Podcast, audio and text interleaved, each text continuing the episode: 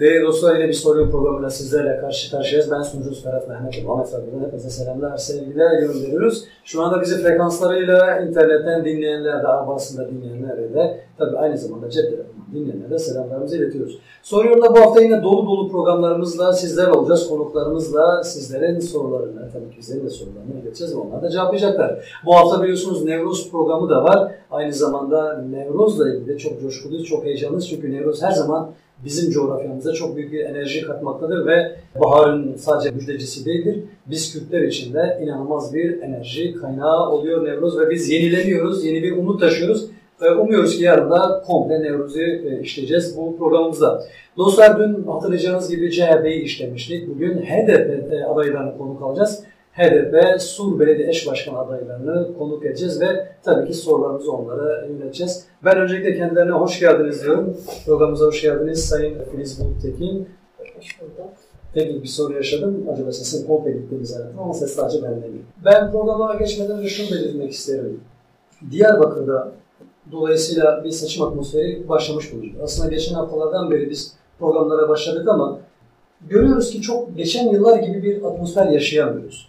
Görüyoruz ki insanlar çok artık böyle sokaklarda bas bas bağıran makinalara, arabalara rastlamıyor veya ne bileyim çok coşkulu e, mitingler olmuyor buralarda. Siz de seçim atmosferini nasıl değerlendiriyorsunuz? HDP'yi temsilen e, burada eş başkan olarak. Evet, öncelikle bütün dinleyicilere selamlıyorum. Şöyle bir şey, son 3-4 yıldır AKP-MHP ittifakının bloğunun e, tek adam sistemi ve rejimiyle birlikte yani hani bütün argümanlarında Kürtler üzerinden yapılan bir seçim atmosferinin içinde yaşıyoruz. Dolayısıyla da yani hani son dönemde geçirdiğimiz bütün seçimlerde biliyorsunuz ki işte kayyumlar atandı, kayyumdan sonra darbeler oldu. Dolayısıyla KHK'lerle de işten atılmalar ve işsizlikle terbiye edilmeler, yoklukla, açlıkla terbiyelerle birlikte Yine e, Kürdistan coğrafyasında bütün baskılara rağmen biz seçimleri geçiriyoruz. Yani 24 Haziran seçimini de bu çerçevede geçirmiştik. Dolayısıyla da e, her kişi kendi düşüncesini ya da seçim bürosuna geldiği sürede bütün bürolarımızın ya da HDP il binamızın, ilçeler binamızın etrafında kolu kuvvetleri, panzerler, kirpiler, alabildiğince kameralarla fotoğraf çekilmeleri e, Bunun sebebi ne? Yani siz siyasi, siyasi bir partisiniz. E, resmiyette herhangi bir engeliniz yok. E, seçimlere geçmişte de katılmışsınız. Barajları da aşmışsınız. Neden sizin il ve ilçe binalarınızın etrafında veya yeni açılan seçim şubelerinizde neden bu denli bir baskı var? Şimdi AKP'nin MHP ile yaptığı ittifak çerçevesinde zaten bu gelişmeler ve son dönemlerde son dönemlerde e, biliyorsunuz milliyetçi oylara koyduğu için ve geçmiş dönemlerde yaptığı bütün söylemlerinin aksi ve tersine söylemleri geliştirdiği için şu anda tek argümanı Kürtler üzerindeki yaptığı seçim politikasıdır, yani söylemleridir. Dolayısıyla bir baskı kurmaya ve algı operasyonu oluşturmaya çalışıyor ve bu operasyonlarla birlikte işte insanları sindirmek, baskılamak, geliş gidişleri azaltmak ve dolayısıyla da bunların üzerinde işte biz sizin gözümüz sizin üzerinizde yani hani gelir giderseniz işçinizden olursunuz ya da ne bileyim işte zindanla terbiye etmek için evet. E, bunları yaptığını biliyoruz. Çünkü AKP Genel Başkanı Sayın Erdoğan biliyorsunuz yani bütün söylemlerde Kürtler üzerindeki düşmanlaştırıcı söylemlerini dile getiriyor. Kürtseniz Kürdistan yoktur, Kürtseniz Kuzey Irak'a gidin gibi söylemleriyle ortaya koyuyor. Ya da HDP'lerin oyları haramdır, biz istemiyoruz gibi. Ama buraya, bu bölgeye de geldiğinde şöyle bir söylem, Kürt kardeşlerim. Bu biraz hesap meselesi gibi görünen bir seçim politikasıdır. E, dolayısıyla da bu baskılarını sürdürüyor. Sürdürdükçe yani hani geri adım atacağını ya da oy devşireceğini düşünüyor ama üzgünüm yani oy, oy devşirme noktasında e, herkes kendini ve yapılanları ya da söylenenleri hiç unutmuyor. Unutmayacaktır da. Dolayısıyla da böyle bir havayla, böyle bir ruhla bir seçime gidiyoruz. Yani hani halkın giriş gelişlerini söylediniz ya. Evet. Bunları baskılamak için yapıyoruz. Cemal Bey bu konuda siz ne düşünüyorsunuz? Yani mesela seçim atmosferini gördük. Tabii bir milliyetçi dalga Cumhur İttifakı'nda görüyoruz. Yani AK Parti MHP ittifakının haliyle e, milliyetçi oylara e, oynaması gayet doğal gibi gözüküyor. Millet İttifakı'nda da işte CHP ve İyi Parti görüyoruz ama Türkiye'de zaten bir dışlanmış HDP görüyoruz. Bunu yakın zamanda değil, yaklaşık 3-4 yıldır görüyoruz ki geçmiş dönemlerde de vardı ama siz bunu neye bağlıyorsunuz? Mesela sokakta bu kadar alanen sizlere baskı yapılmasına. Ben de öncelikle bütün arkadaşları selamlıyorum, bizi dinleyen seyircileri. Eş başkanımız da dile getirdi. Evet. Yani 3 yıl öncesine kadar hepimizin bildiği gibi bir çözüm süreci vardı. Ve her taraf bir bir gülistanlıktı. İnsanlar rahat ulaşabiliyordu. Rahat fikrini beyan edebiliyordu. Ve çözüm sürecinin bozulmasından sonra özellikle işte MHP, AKP blokunun üzerinde yani genelde Türkiye halkları üzerinde ve özellikle de Kürt halkı üzerinde ciddi bir baskı ve sindirme politikasıyla karşıya karşıyayız. Hepimiz tarafından bilinmektedir. Yani özellikle Kürdistan cephesine baktığımızda yani Kürt illerine baktığımızda bu e, baskı daha fazla kendi göstermektedir. Yani bu seçim atmosferine girmeden önce zaten ciddi baskılar vardı. İnsanlar üzerinde işte insanlar çalışan binlerce insanların işte işlerinden alıkoymaları, işte ekmekle terbiye edilmesi dahil bir, bir baskı ve izolasyondur. Öyle görüyoruz. Şu an bu seçim sürecine de geldiğimizde yani bakıyoruz Türkiye genelinde bütün siyasetin aslında Kürtler üzerinde şekillendiğini görüyoruz. İşte Batı'da e, milliyetçi dalganın oyunu almak için işte milliyetçi argümanlarla halkın önüne gidiliyor ve e, tabii bu yapılırken de Kürtlere saldırılıyor. Ciddi anlamda bir saldırı var Kürtlere ve Kürtlerin temsilcisi dediğimiz HDP siyasi partimize ciddi anlamda bir baskı var görüyoruz. Kürdistan'a doğru geldiğimizde başkan da dile getirdi. Biraz daha o dozu düşürüp işte biraz da Kürt oylarını almak için Kürtlerin biraz da daha fazla dine bağlı olmalarından kaynaklı biraz daha din siyasetiyle Kürtlerin önüne çıkıyorlar. Hepimiz malumunuz gördük işte Urfa'da e, AK Parti milletvekilinin işte siz Cennet var. Evet. Siz- Bunu neye bağlıyorsun? Son zamanlarda Sayın Nurtekin size de sormak isterim aynı soruyu Cemal Bey'e de.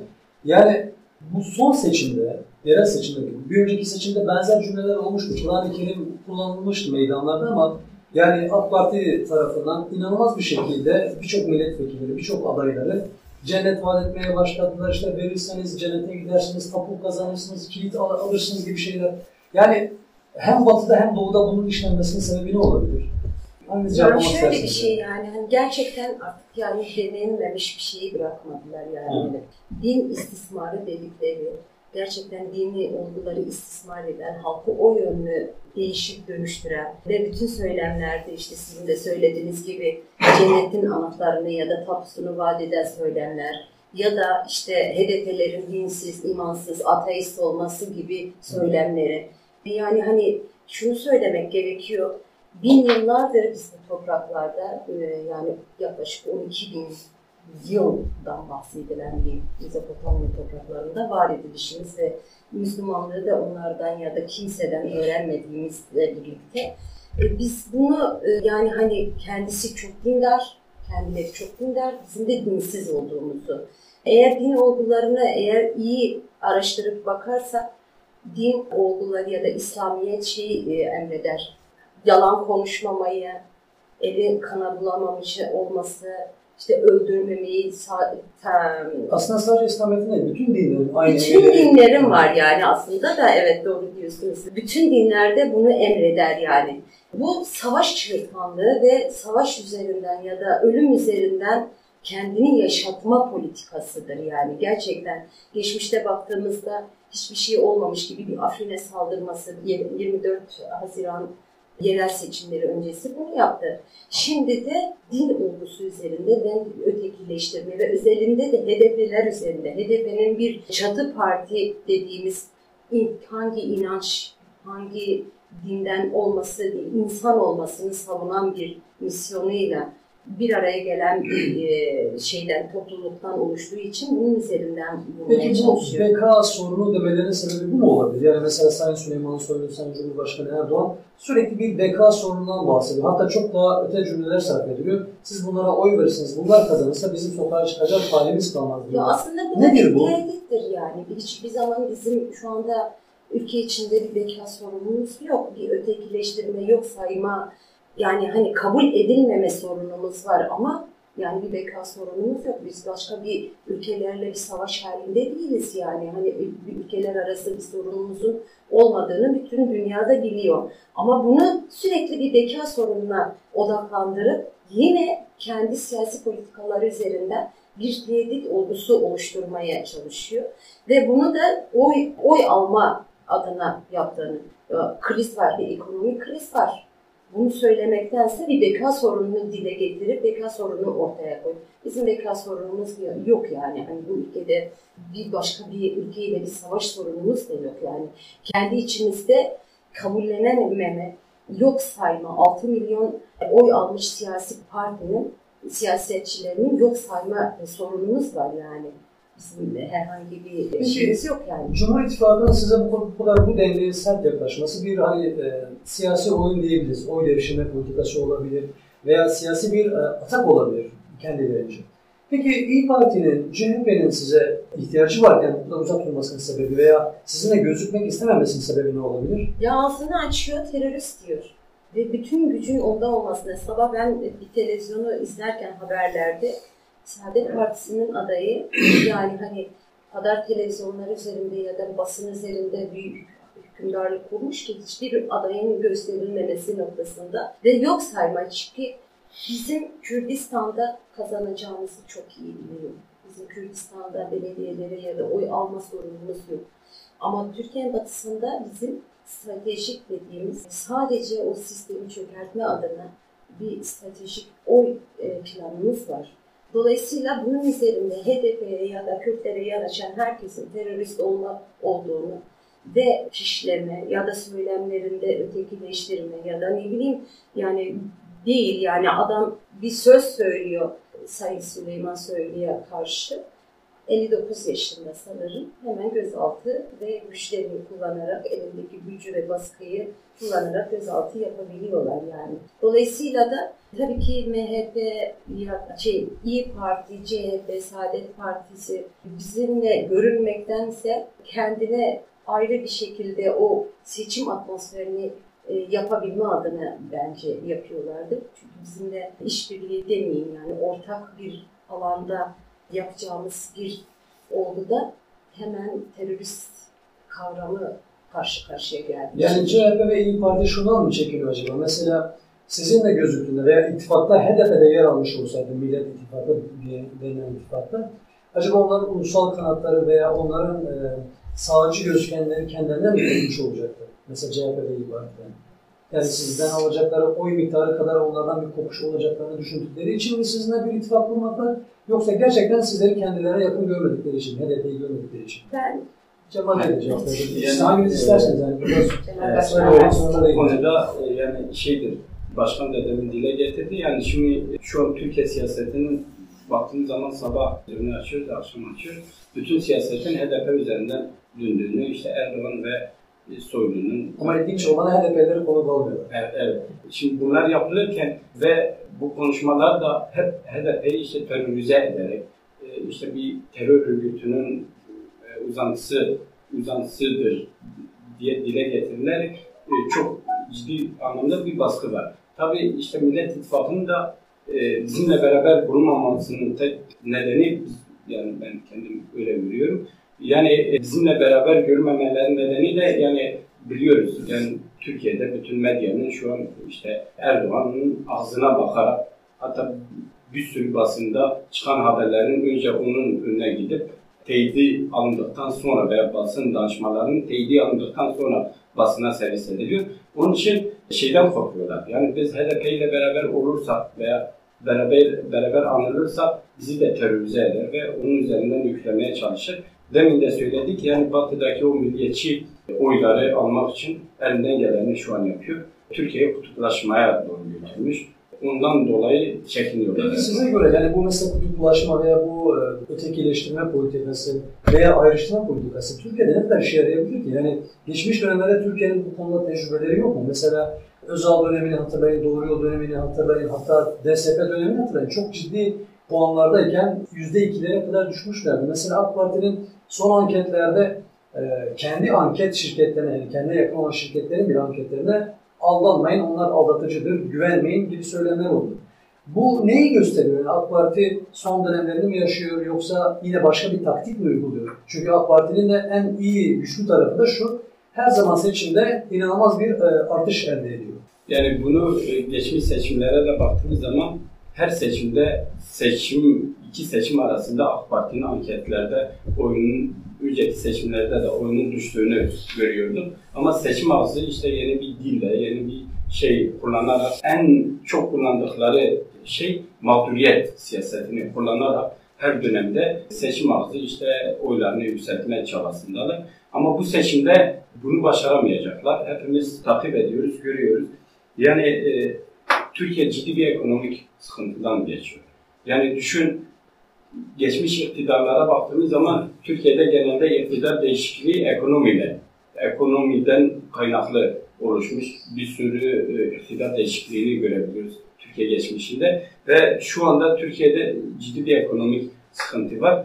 Yani düşünün ekonomik sıkıntıyı dahil getirip yine dolandırıp yine işte HDP'nin etrafında bağlayarak yine işte e, şu an ekonomik sıkıntıları gördüğümüzde insanlar tepkisini dile getirdiğinde işte bir dönem şu anda zaten fiyatı hiç konuşulmuyor bile. Domates, biber, patlıcan fiyatı dile getirildiğinde işte Erdoğan çıkıp yani halka işte bunun nedenini açıklaması gereken yerde işte ya siz onlara bakmayın siz kalkıp işte merminin fiyatından haberiniz var mı? diye söylemlerle insanları bir şekilde yani ölümü gösterip sıtmaya razı etmeye bir aynen? Aynen, aynen. Öyle. Aynen öyle. Yani geçmişe baktığımız zaman geçmiş iktidarlara da bakıyoruz. Özellikle burada e, vurgulamak istediğimiz nokta diğer iktidarlara da baktığımızda ciddi anlamda Kürt düşmanlığı yapan iktidarların ömrünün çok uzun yaşadığını biz görmedik. Diğer iktidarlara da baktık. Erdoğan'ın da şu anki e, bütün siyaseti Kürt düşmanlığı ve Kürtleri nasıl terörize edebilirizin üzerinde bir siyaset uyguluyor ve bu da Türkiye siyasetine baktığımız zaman aslında bu da AK Parti'nin ve MHP'nin çöküşü e, anlamına geliyor. Şunu söyleyebiliriz. Mesela 7 Haziran'dan bu döneme birçok seçimler yaşadık. Çok erken seçimler de gördük ve ilginç tarafı işin açıkçası bütün rüzgarlar sizden yana gözükürken. Yani mesela 7 Haziran'da Türkiye'de iyi bir rüzgar estirmişti HDP bütün olumsuz durumlara rağmen. Sonrasında da yine HDP'de bir tırmanış gözlemlendi. Bu kadar e, hani mağdur edebiyatı demeyelim ama mağdurken sizler, yani partiniz mağdurken İbre'nin AK Parti önünde yükselmesinin sebebi neye bağlıyorsunuz? Mesela vatandaşlar ekonomik krizler gördü. Doların 7 yıl yükseldiğini gördü. Sizin bütün eş başkanlarınızın tutuklandığını, partinizin neredeyse e, bütün kadroların içeri atıldığı, işte ihraçları, öğretmenler e, tekrar görevlerinden uzaklaştırmaları gibi birçok sorun görüldü. Akademisyenler mesela uzaklaştırıldı. Yani Türkiye'de ne sayarsak sayalım aslında HDP, CHP veya İyi Parti yani muhalefet partilerine bir rüzgardı. Ama ilginç olan o rüzgarı hiçbir parti ne siz ne HDP yani CHP ne de İyi Parti kendi çıkarları doğrultusunda kullanamamışken hükümeti yöneten ve birçok yanlışlıklar varken yani mesela FETÖ'yle ilgili birçok durumlar da yaşanmışken AK Parti o konuda yükselişe geçti. Bu bir siyasi başarı mıdır yoksa başka bir şey midir? Güç müdür, korku mudur? Neye bağlıyorsunuz? Yani bunu ben kısa değineceğim. E, Buyurun. E, Başkan'a vereceğim. Yani e, bunun e, bahsettiğiniz, demin bir sürü şeyden bahsettiniz. Bunları sen halkı, halka neyle anlatırsın? Basın yoluyla. Ama Türkiye gerçeğine baktığımız zaman bütün basının aslında buna e, gözünü, kulağını kapatmasından kaynaklı. Ben öyle görüyorum. Yani daha önceki süreçlere baktığımız zaman yani bir, bir ekonomik bir kriz olduğu zaman bütün basının yani sabah akşam ekonomik krizden bahsediliyordu veya ne bileyim bir toplumsal bir olay olduğunda herkes ondan bahsediyordu. Ama bugüne geldiğimizde bakıyoruz hiçbir şey aslında bas, basında yansıtılmadı. Yani e, bütün Türkiye'nin bütün basınının işte Erdoğan etrafından e, do, e, dolandığını görüyoruz. Yani en büyük etkenin bence burada olduğunu, biz kendimizi ifade edemememizden, yani basın yoluyla Türkiye kamuoyunu ve işte, dünya kamuoyuna deklare edememesinden kaynaklı bunu görüyoruz. En büyük bir e, şeyde baktığımız zaman mağduriyet şeyinde biz onlarcasını, yüzlercesini yaşa, yaşarken biz bölgede demin de dile getirdik bir sürü e, işten atılmalar, bir sürü mağduriyetler yani bir sürü savaş yaşandı bölgede ama Türkiye basınında bunun yani yüzde biri yansıtılmadı. Ama en ufak AK Parti ile ve iktidarla ilgili en ufak bir söylem söylem dahil olduğunda bütün basını açtığımızda herkes o şeyi Yani defalarca siz şunu demek, halen basın ciddi bir güçtür, halen. Türkiye etkilidir, onu demeye çalışıyorsunuz. Tabii. Yani Biz de çünkü basının artık gücünün Evet. kalmadığını e, zannediyoruz da o yüzden. Ee, Yani- Sayın Muhtebi siz ne düşünüyorsunuz bu konuda? Yani evet başkan da dile getirdi. Büyük e, güç basın. Tabii ki yargının basın da bağımsız değil şu anda. Yargının da bağımsız olmayışı.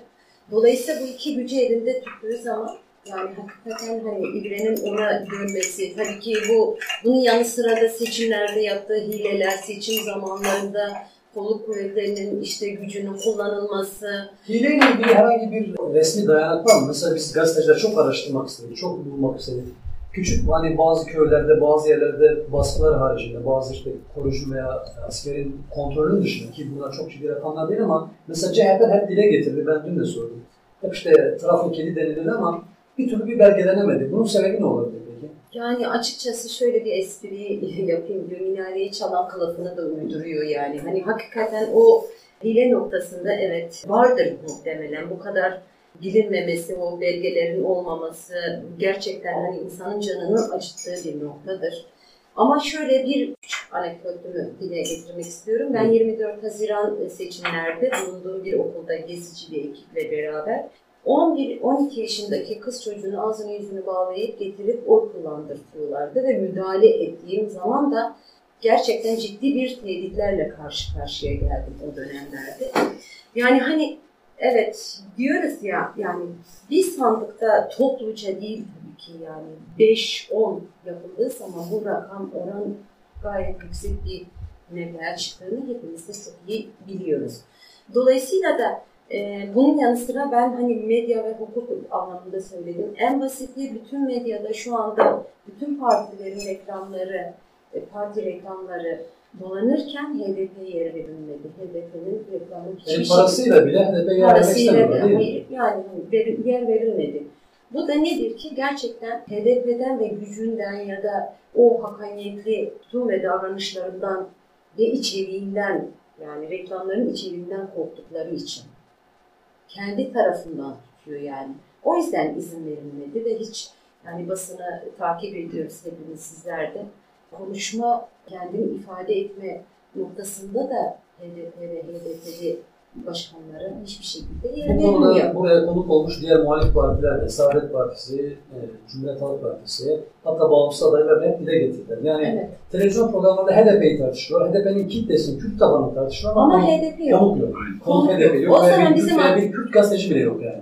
Bizim adımızda bizi niye tartışıyorlar ben onu anlamış değilim yani. Hakikaten yani gerçekten insan işin muhatabını eğer onu tartışıyorsa işin muhatabından bir tanesini çağırırsın orada tartışmayı açarsın. Ama yok öyle bir olgu yani öyle bir görünüm yok yani. HDP tartışılıyor gündemde var ama HDP'li ya da bir siyasetçisi, bir vekili, eş başkanı, eş genel başkanlarımızdan hiçbiri orada temsiliyette yer bulamıyor. Yani bu da gösteriyor ki medyanın ne kadar bağımlı olduğunu, kimlerin onayından geçtiğini. Sizden önceki HDP belediye başkan adaylarına da hem Büyükşehir hem de Kayapınar e, adaylarına da sormuştum. Size de sormak istedim. Doğru bir strateji olduğunu kendinde kabul etmeme rağmen yani HDP'nin batı illerinde aday birçok yerde göstermemesini, merkezlerde değil ilçelerde adaylıklar göstermesini HDP açısından veya muhalefet açısından doğru bulmama rağmen gazeteci gözümle. Vatandaş bunu pek algılayamadı veya belki sizler anlatamadınız vatandaşa. Çünkü yine bir Kürt partisi olarak kaldınız. Oysa ki 24 Haziran'da sizler Türkiye Partisi oldunuz. 7 Haziran'da da Türkiye Partisi olduğunu dile getiriyordunuz. Şimdi tekrardan bir e, Kürdistan cümle, e, cümleleri sarf ediyorsunuz. Kürdistan coğrafyasından bahsediyorsunuz. Ve tabii ki yine bölgede iktidar parti olmayı istiyorsunuz, çabalıyorsunuz. Bunu vatandaşa yeterince aktaramadığınızı varsayarsak ki biz öyle görüyoruz vatandaşlardan sokak röportajlarında. Neye bağlıyorsunuz? Vatandaş neden sizi yeterince algılayamıyor? Yani vatandaş nasıl bizi algılanıyor bize de geliyor bu söylemler. Aslında evet dediğiniz gibi biz bu konuyu fazlasıyla e, herhalde çok e, anlatamadığımızdan kaynaklı. Biz Kürdistan'da evet bütün belediyelerimizi bizim olana gibi olacağız. Ama Türkiye'nin batısında bu AKP, MHP e, bloğunun çöküşünü e, yaratabilmek için stratejik oy kullanacağımızı defalarca söyledik. Yani hani söylemeye de devam ediyoruz. Orada adaylarımızın ya da vesairemizi çıkarma, çıkarma işimizin bir nedeni de bu. Dolayısıyla da bu bloğun bozulması için şu anda Türkiye'de bunu belirleyecek Kürt oylarıdır. Ve Türkiye'nin her tarafında, her ilinde Kürtlerin olduğu e, bilinen bir şeydir. Ve bunu e, şu süreçlerde aslında anlamaya ve anlatmaya başladığımızı düşünüyoruz. Daha çok genç kesimlerde biraz tıkandığımız noktaydı. Bu kadar bu kadar zulüm ve baskı bizim üzerimizde varken neden neden neden yani bu soruları yani biz neden oy onlara kullanıyoruz dediğimizde buna ihtiyaç olduğunu bu Mesela en son, en son yakın örneğini Ankara'da Mansur Yavaş'tan Evet. geldi. Her ne kadar Sayın Sezer Temelli'nin o cümleler bana ait değil, şartlanmış demiş olsa bile Mansur Yavaş'ın vermiş olduğu cevaplar e, işin açıkçası tabanınızı rencide ediyor. Evet, tabanımızı rahatte edebileceğini e, söyleyerek rencide ediyor. Dolayısıyla hepimiz de buna karşı bir söylemlerimizi dile getirdik. Dolayısıyla da tabii ki başında da söyledik. Yani bizden oy oy talep ediyorlar ama bizim yanımızda durmaktan çok çekindikleri için bu söylemlerde ortalığı yani yine de gerçekten şunu ifade etmek istiyorum. Bu bloğun çökmesi için HDP ve Kürtlerin oylarına ihtiyaçları var. Dolayısıyla da isteseler de istemeseler de bu buna ihtiyaç temelinde diyelim. Bloğun inmesi için biz bu buna yönelik bir oylarımızı yine yerine getireceğiz. Biliyorum ki hani bunda da başarılı olacağımızı da inanıyorum. Onların söylemleri onların kendi eksiklikleri diye kabul ediyorum. Aslında eğer muhalefet yapacaksan tam anlamda muhalefet yapılması gerekiyor. Dolayısıyla da yanında durmak bir yana insani olarak bazı değerleri ele almak lazım. Bunu bilmek lazım. Ekrem İmamoğlu bunu bir parça dile getirmeye çalıştı ama e, Mansur Yavaş da son söylediği cümleyi biz kabul etmemekle birlikte biz gayet iyi bir halk olarak hani rağbete edeceğimiz değil, biz insanları rağbete edecek kadar ötekileştiren bir duyguyla, bir cevapla karşılık vereceğiz. Yani Twitter'da çok e, iddialı sözler dönüyor. Özellikle Evet. sizin seçmeniniz olduğunu belirten tabanlardan ben ısrarla takip ediyorum. Bunlara mı oy vereceğiz Ankara'da, bunlara mı oy vereceğiz İstanbul'da diye söylemler ve serzenişler. Aslında söylemlerini biraz daha daha çerçeveli olması gerektiğine inanıyorum. Ben yani e, şeyi söylediniz hani Kürdistan Türkiye Partisi iken işte Kürdistan e, ifadeleri kullanmaya başladığınızı söylediniz. Yani bu Evet. sizin partinizin e, 24 Haziran'da Yani biz Türkiye yine- Partisi aynen. ve bu 31 Biz Haziran, yine- 31 yine- Mart e, Yine o noktadayız. Kürdistan'da biz kazanacağız dediğiniz için Evet, dile evet, getiriyorum. yine o noktadayız. Biz Türkiye'nin her yerinde oy al- alan bir partiyiz. E, Hatta İstanbul'da 11 tane milletvekili çıkartmış bir partiyiz. Biz niye bunu söylüyoruz? Söylem aslında karşılıklı gelişen bir durumdur. Yani e, Türkiye'de özellikle bu seçim sürecinde Kürtleri yok sayarak. İşte Erdoğan biz hepimiz tarafından biliniyor. 4-5 yıl önce kendi ağzıyla Kürdistan'ı, Kürdistan kelimesini duymak istiyorsanız açın 1920 meclis tutanaklarını, işte açın Osmanlı'daki işte haritayı önce açın o zaman Kürdistan'ı görürsünüz ifadesini kullanan Erdoğan'ın ta kendisiydi. Ama bu seçim sürecinde bunu inkar edip, Kürtleri inkar edip yok saymasından kaynaklı siyasete şu an Kürdistan kelimesi dile getiriliyor. Yani biz Kürdistan'ı dile getirdiğimizde biz Türkiye Partisi değiliz anlamına gelmiyor. Bizim şu an eş genel başkanı hatta çıkıyor diyor ki bak diyor Kürt değil ha bakılıyor çağırıyor. Yani bizim eş genel başkanımız e, Türktür. Yani e, bizim partimiz Türkiye geneli her tarafta seçmeni olan, destekçisi olan bir partidir. Yani bir çatı partisidir ve bu çatı partisinde Kürt sorunu temsil eden, e, yine işte Kürt bölgesi, e, Kürtleri temsil eden partilerin çatısının ça- aynı çatı alt- altında birleştiği bir partidir HDP. Yani o anlamda bunu söyleyeyim. Ha bu Twitter e, şeyinde de yani biz bunu söylüyoruz. Biz kalkıp işte Millet İttifakı'na oy verdiğimizde bunu söyleyeyim. Gönül rahatlığıyla gidip oy vermiyoruz. Başkan da dile getirdi. Tamam bir strateji. Tabii başkan da e, dile getirdi. Yani Türkiye metropollerinde kaybettirme stratejisidir aslında. Yani seçmenimiz bunu bilmesini istiyoruz. Yoksa biz e, kendi gönül şeyimizle gidip örneğin CHP'ye ve İyi Parti'ye oy verebilecek durumda da Yani değiliz. kendi oyunuzun kendi tabanınızın farkında olup siyaset satrancına doğru bir hamle Evet, siyaset gereği yani. düşünüyoruz. evet. Başkan da söyledi. Yani bu blokun yıkılması için, yani Türkiye üzerindeki bu kara bulutun dağılması için elimizden ne gelirse yapacağız. E, yapmaya da devam Ben edeceğiz. Saadet Partisi adayına da sormuştum, Büyükşehir Belediye Başkan adayına da. Aynı zamanda TR, Temel Karamollaoğlu, Sayın e, Saadet Partisi Genel Başkanı Diyarbakır'a bir çalışma için geldiğinde, Kürt sorununu çözmek için. Ben o zaman da sormuştum. Hatta Sayın Selahattin Demirtaş'a da ben bizzat kendim e, sesli mektup gönderdiğimde de sormuştum bunu soru amacıyla.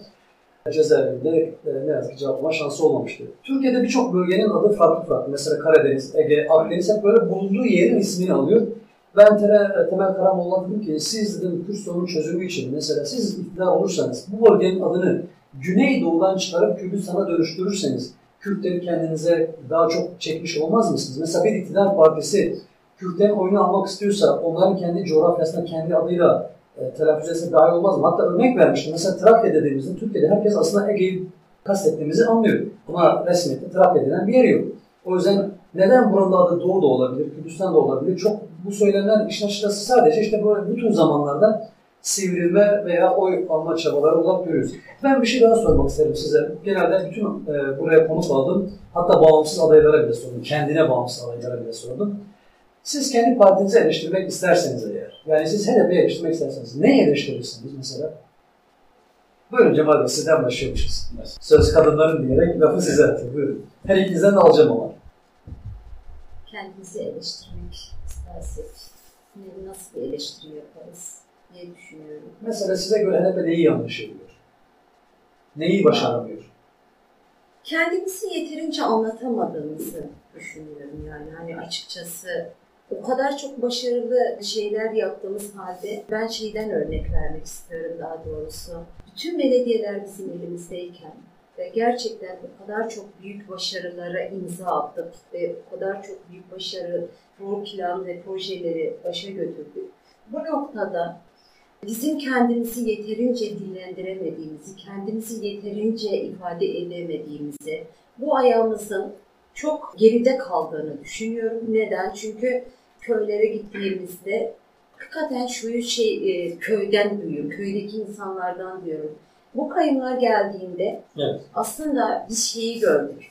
Belediyelerimizin ne kadar çalıştığını ve ne kadar mesela örnek yolları yaptığını, Dolayısıyla kar parçeler meselesi bizim oluşumumuz ve kadınların bütün kazanımları ve eş başkanlık sistemini biz hep derdik ki acaba algılandı mı, algılanmadı halk tarafından. Emin olun ki o kadar çok iyi algılanmış ve biz bunu hiçbir şekilde dile getirip öne çıkarıp ya da ne bileyim onu anlatma, bu anlatma kendini ifade etme ve anlatmayı biz eksik yapıyoruz. Ya da görsel Yani ayağını HDP, geliştiremiyoruz. HDP kendi tabanından kendini yeterince anlatamıyor diyorsun- diyorsunuz. Yani hani yaptıklarını yani yaptıklarını bir, bir şekilde anlatma noktasında biz eksik kalıyoruz. Bunu hem tabanına diyeyim, hem Türkiye'ye diyeyim, yoksa dünyaya diyeyim. Gerçekten bunu anlatma ve hani e, sunma anlamında yapılanları sunma, deklare etme, açıklama noktasında belediyecilik noktasında evet biz gayet başarılı olduğumuzu, halkçı olarak başarılı oldu, halkçı belediye olarak başarılı olduğumuzu biliyoruz ama kendi içimizde biliyoruz. Ve bu iki buçuk, üç yıl sürecinde bize söylenen yani hani biz de bir demek ki çok fazlasıyla bir mütevazilik göstergesi gör, e, sunmuşuz ki ve bize söylenen bu. Aslında siz bütün her şeyi siz yaptınız bu iki buçuk, üç yıl içerisinde görünen kayyumların yaptığı ya da devletin yaptığı Makyaj olarak algılanıyor. makyaj olarak algılanıyor ve sorunları bize aksettiriliyor ve gerçekten bunu, bunu da bizim yeterince anlatamadığımızı söylediler. Cemal Bey siz ne dersiniz? Yani- eleştirmek isterseniz. Yani başkan da dile getirdi. Biz yaptıklarımızdan fazla yapmak istediklerimizi dile getirdik aslında geçmiş süreçte. Doğrudur. Görsel anlamda yaptıklarımızı teşhir etmedik. E, kamuoyuyla çok fazla paylaşmadık. Bu da bir eksikliktir. Bu 2-3 yıllık süre zarfında bunu çok somut örnekleriyle karşılaştık. Başkan da dile getirdi. Kayyumun bizim dönemimizde projelendirilmiş, yapılmaya hazır noktaya getirilmiş projelerimizi bile kalkıp işte afişlerle e, kentin farklı e, yerlerinde kalkıp teşhir etmesiyle evet, bizim yaptığımız işleri kalkıp pankartlarla isteyince oluyor şeklinde dile getirildi. Oysa biz bunların bu 2-3 yıllık süre zarfında kayyum sürecinde kayyumun şu an yapmış olduğu bütün projeler bizim döneminde planlanan ve bütçe çerçeveleri e, çerçeveliyle ileriki süreçte e, programlanmış bütün projelerimizi kalkıp te geçirilerek ve bunu özellikle görüyoruz. Kayyum raporumuzda da gördük. Çok ciddi maliyetlerle ciddi maliyetlerle bizim planladığımız maliyetin iki kat, üç kat fazlasıyla yaptığını da gördük. Ama e, tabii biz geçmiş süreçte başkan da dile getirdi. Evet. Yani ben de söyledim. Yaptıklarımızı değil de yapmak istediklerimizi dile getirdik sürekli. Peki hiç şunu düşünüyoruz mu? Mesela ben DZK eş başkanı devirli devir yapıldığı zaman da kongresinde Sayın Ahmet Türk ve Aysel Tuğluk vardı o zaman devir teslim töreninde. İkisini de sarf ettiği cümleye şuydu. Sonraki yıllarında benzer cümleler yine sizin milletvekillerinizden de sarf edildi. Ee, biz halkın gerisinde kaldık. Eskiden halk milletvekillerinden, başkanlardan bir şeyler beklerdi, siyaseti akıllı yolu beklerdi. Biz idareciler olarak bunu Aysel Tuğluk, Ahmet Türk ve e, sizin son milletvekilimiz de Ziya en son kendisi de sarf etmişti. Biz halkın çok gerisinde kaldık e, siyaset olarak. Çünkü eskiden insanlar Ankara'dan haberi alınca, Doğu o haberi duyunca aslında Ankara unutmuş oluyordu. Size en çok yapan eleştiri şu yönde. Geçmiş dönemlerde halk politize değildi. Yani 90'lı yıllardan günümüze. HDP ve HDP'nin önceki partiler yani HEP'ten günümüze gelen bütün partilerde halk politize oldu. Mesela birçok gazeteci yurt dışından buraya geldiğinde bize şunu söylüyor. Diyor ki İtalyan veya Fransızlar Diyarbakır'da gezdiğimizde, köylerde gezdiğimizde bütün bu coğrafyada herkes inanılmaz bir politiktir. Herkes haberleri pürpak dinliyor. Herkesin kulağı haberlerde, politik haberlerde. Mesela Batı'da veya Avrupa'da bunları göremezsiniz diyor. O yüzden inanılmaz bir politik kitle var. Siz kendi politik kitlenize nacizane kendi fikrimi ben de söylüyorum. 20 yıllık gazetecilik yapıyorum. Sanırım yeterince anlatamıyorsunuz kendinize. Sizin de bahsettiğiniz aslında doğru kendi projelerinizi bile kendi kitlenize yeterince anlatamıyorsunuz. Çünkü onlar sizi çok fazla dinliyorlar. Televizyonlarda, haberlerde, sosyal ortamlarda, sağda solda. Bu da sizin onların biraz gerisine kalmanıza vesile oluyor. Bu aslında hem Ahmet Türk'ün, Ahsen Tul'un hem de Ziya Bir'in e, cümlelerine nacizane ben de katılıyorum. Niçin katılıyorum? Çünkü vekiller günlük programlarında koşturmaca içerisindeyken aslında birçok şeyden bir haber oluyor. Yani günlük gelişen olaylardan ne yazık ki bir haber oluyorlar. Haliyle vatandaşlar her şeyi duymuş oluyor. Ziya Bey diyordu ki biz haberleri aslında vatandaşlardan alıyoruz. Oysa eskiden vatandaşlar haberi vekilden alıyordu. Bir başka e, size sorulmak istenen soru, HDP'ye sorulmak istenen soru. Ümit Özdağ söylemişti. Ben o söylemine çok katılmıştım. MHP'li olmasına rağmen e, Antep e, Üniversitesi'nde öğretim görevlisiydi. Kayyum dönemini anlatıyor. Diyor ki zaten HDP aslında tıpkı AK Parti gibi iktidar. Az önce sizin de belirttiniz mi Sayın Muttaki? Yani 16 yıldır aslında burada hiçbir parti resmi olarak yani kayyum politikasını saymazsa sizden iktidarı alamıyor. AK Parti'den de yaklaşık 16 yıldır kimse iktidarı hükümeti alamıyor. Siz burada bunları düşünürken, belediyeler sizdeyken, bütün imkanlar işte dille ilgili, coğrafyayla ilgili imkanlar sizdeyken siz de bunu koruyamadınız diyordu. Özellikle politika taleplerinde bunu koruyamadığınızı eleştiriyordu Ümit Özdağ. Oysa ki siz zaten özelliktiniz diyor. Siz özellikle Sur Belediyesi'nin eş başkan adayları olarak Şimdi Sur'da bir yıkım dönemi yaşadık ki halen yasaklı olmasına rağmen. Hatta geçen gün diğer adaylara da söyledim. Saadet'e de CHP'ye söyledim. Sur'da muhtarlık adayı var şu anda. Ama olmayan mahallenin, olmayan vatandaşın muhtarlık adayı var. Tabii sizin de şu anda kitleniz Sur kitlesi ve tabii ki köyleri. Siz nasıl değerlendiriyorsunuz? Mesela yıllar öncesini Sur sizdeyken, belediyeler sizdeyken yaptığınız atakları, çevre düzenlemelerini ama şu an sizde değil, Dışarıdayken ya, az önceki sizin de belirttiğiniz dışarıdayken daha mı iyi anlıyorsunuz neleri kaybettiğinizi? Ben öncelikle birinci şey soruya yapayım. Doğrudur e, vekillerimiz de daha önce dile getirdi. Aslında ben onun nedeni bunu da dile getirmek istiyorum. Benim şahsi düşüncemdir. Biz halka, çünkü biz bütün kararlarımızı halk halk tarafından aldığımızdan kaynaklı aslında halkla iç içe olmamızdan kaynaklı halk her şeyden haberdardır. Ondan en büyük şeyi ben öyle görüyorum. Yani diğer partilere baktığın zaman karar tepeden alınır, gider paylaşılır. Paylaştığı zaman halk daha yeni duymuş oluyor. Ama biz hizmet anlamında, siyasal anlamda yani yol ve haritamızı belirlerken biz halkla beraber yapıyorduk aslında. Halkın daha fazla siyasetin içinde olmasından, daha fazla politize olmasının tek nedeni de budur. Halkla beraber sen halka götür, o kararı halkla beraber aldığın zaman birisi, bir siyasetçi gidip o kararı halka deklare ettiği zaman zaten halk o karardan haberdardı.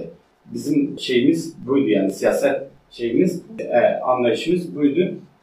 İkinci şey size söylediniz, Sur'da e, ciddi bir yakından geçildi Sur. Size söylediniz olmayan mahalle, olmayan sokağın bir muhtar adayı var. Aynı e, katılıyorum. Hatta bir mahalle değil, iki üç tane mahallemiz var. Seçmenlerimiz orada görünüyor. Görünmemesinin nedeni de budur. Kandırılan bir seçmendir. Evleri yıkılmış, zorla yıkılmış ve ileriki süreçte onlara ev vaat edilmiş insanlardır. Ondan kaynaklı adresleri orada görünüyor. Herkes bu beklentidedir. Diyor Yakın ki tarihte eylem de yapmışlardı. Evet. Hastanelerde. yani hatta Bizim 4-5 ay e, e, Erdoğan'ın e, Diyarbakır mitingi öncesinde işte AK Parti tarafından ve kaymakamlık tarafından aranıldığını, işte kiralarınız yatırılmıştır. Mitinge. Mitinge katılın, işte Erdoğan e, sizi selamlayacak e, şeyle. Halkta doğalında mitinge de giden bir sürü e, Türk vatandaşı da vardı. Ama sonra gidip hesaplarına baktığında paranın da hesapta olmadığını da gördüler ve yürüyüş de yaptılar. Sizin de söylediğiniz gibi Diyarbakır'da şu an büyük bir evleri yıkılan mahallelerde özellikle vatandaşların beklentisi budur. Yani devletin vermiş olduğu bir söz var. Tamam biz evlerinizi yıkacağız ama size ev yapacağız ve size teslim edeceğiz vaadi var. O, herkesin beklentisi o yöndedir. Ondan dolayı kimse oradaki adresini de şeye götürmüyor. Hani bir kira yardımı da var. Yani bazen diyorlar işte biz e, yap- yaptığımız evlerin parasını vermişiz ailelere ve artık hani yapabileceğimiz bir şey yoktur. Bir kısım siyasetçiler bunu da söylerken e, madem öyle bir şey yoktur o zaman sen bu insanların kirasını niye ödüyorsun? Eğer vaat etmemişsen resmi e, evraklarla vaat etmemişsen demek sen kalkıp kirasını da ödemezdin. Dedim ben senin ev paranı vermişim, benim yap- e, yapabileceğim bir şeyim yok dersin o insanlara. Oysa bunu yine söylüyoruz, insanlarımızın büyük beklentisi var. Evler yıkılmış, evlerin yerinde bir ev yapılacak ve onlara teslim edileceği beklentisi içerisindeler. Ama bunu görüyoruz aslında. Belki insanlarımız bundan e, haberdar değil ama o insanların yıkılan evlerin yerinde yapılan evlere baktığımız zaman insanlar yapılan planlamalar, yapılan evler aslında insanların gelip oturabileceği evler değildir. Hepsini işte butik otel şekliyle ve yarın öbür gün e, bir siyasi ranta dönüştürmek için e, kendi yandaşlarına- satıldığı başkalarına kendi yandaşlarına zaten e, satılmış ve büyük bir meblağla yani bir evin orada 500 bin 1 milyon arası bir fiyatla satıldığını biz de biliyoruz. Ama hala halk beklentisi, halkın beklentisi diyor ki bize ev yapacaklar, Evimize geri döneceğiz. evimize geri döneceğiz. Bir beklentisi var. E, da Çoğu kesim de zaten ben doğrudan böyle konuya girdim. Çoğu oradan çıkan insanlar, halk e, kesimi de kendi evi orada çalışmalı yer olduğunu söylüyorlar ama ilk başta gittiklerinde o kadar çok yara almış bir ev değil. Dolayısıyla da o evin yerinde kendi çadırını kurup böyle o şekilde yaşamak istediğini de çok dile getiriyordu. Ve halen evet Cemal Başkan'a e, katılıyorum. Şöyle bunu da söylemeden geçmek istemiyorum açıkçası yani. Orada yaşayan büyük bir kesim aslında 90'lı yıllarda köylerden, ilçelerden Göçmüş insan. göçmüş, evleri yakılan, yıkılan insanlardan oluşuyordu ve gerçekten orada kendini bir arada var etmek isteyen işte ben her seferinde bunu çokça dile getiriyorum ki ve bilinen bir şeydir. Sur yapılanması sadece Kürtlerden değil, Süryanisi, Keldanisi, Ermenisi, Domların ve ilçelerden gelen akım Kürtlerle birlikte bir mozaiği oluşturan bir yaşam alanıydı. Aslında ilk başta bunu devlet bunu parçalamak, o mahalle ilişkileri, birlikte yaşamı, birlikte gülüp birlikte ağlayan kesimi parçalamak istedi. Dolayısıyla da ikinci e, adımı ise orayı yıkıp tabii ki meslek uzmanlarının izinleri olmadan yani herhangi bir denetim veya bir, bir Mimarlar kişi Odası'nın çok itirazı var. bu itiraz olmasına rağmen halen bile yani. oraya girilemezken orada bir rant alanı oluşturup bunu başka insanlara peşkeş geç, e, çekme olayıydı. Dolayısıyla da kendileriyle birlikte e, hareket eden ya da yandaşları, yamanan insanlara orayı peşkeş geçip e, ondan sonra bunları satışa sunmak. Maalesef ki insanlardan da duyduğumuz bizim evimizin, arazimizin olduğu yerde biz gidip orada çadır hani yıkmasaydık kimden sordu ya. Kaldı ki sen bu kadar büyük meblalara satışa sunduğun evi halen ki onların beklentisi olmasına rağmen o kendim yapardım, otururdum demek istiyor ve halen Sur'da bir bağını koparmamış durumda. Ve dolayısıyla ki şu anda yıkılan bölgelerin seçmenleri olarak orada e, gö- görünüyorlar ve halen de kandırılıyorlar kira desteğiyle birlikte. Orası öyle. Ali, İkinci bölümde bu konuya değineceğiz. Kısa bir ara vermek zorunda kalacağız. Tamam. İkinci bölümde buradan devam edip projelerinizi ve Diyarbakır'a e, neler vaat ettiğinizi konuşacağız. Değerli dostlar ben sunucunuz Ferhat Mehmetoğlu ile Ahmet Radyo'da Soruyorum programı devam ediyor. Programın ikinci bölümünde HDP Sur eş başkan adayları Sayın Filiz Buluttekin ve Cemal Özdemir ile Sur'u ve tabii ki Diyarbakır konuşmaya devam edeceğiz. Bizden ayrılmayın.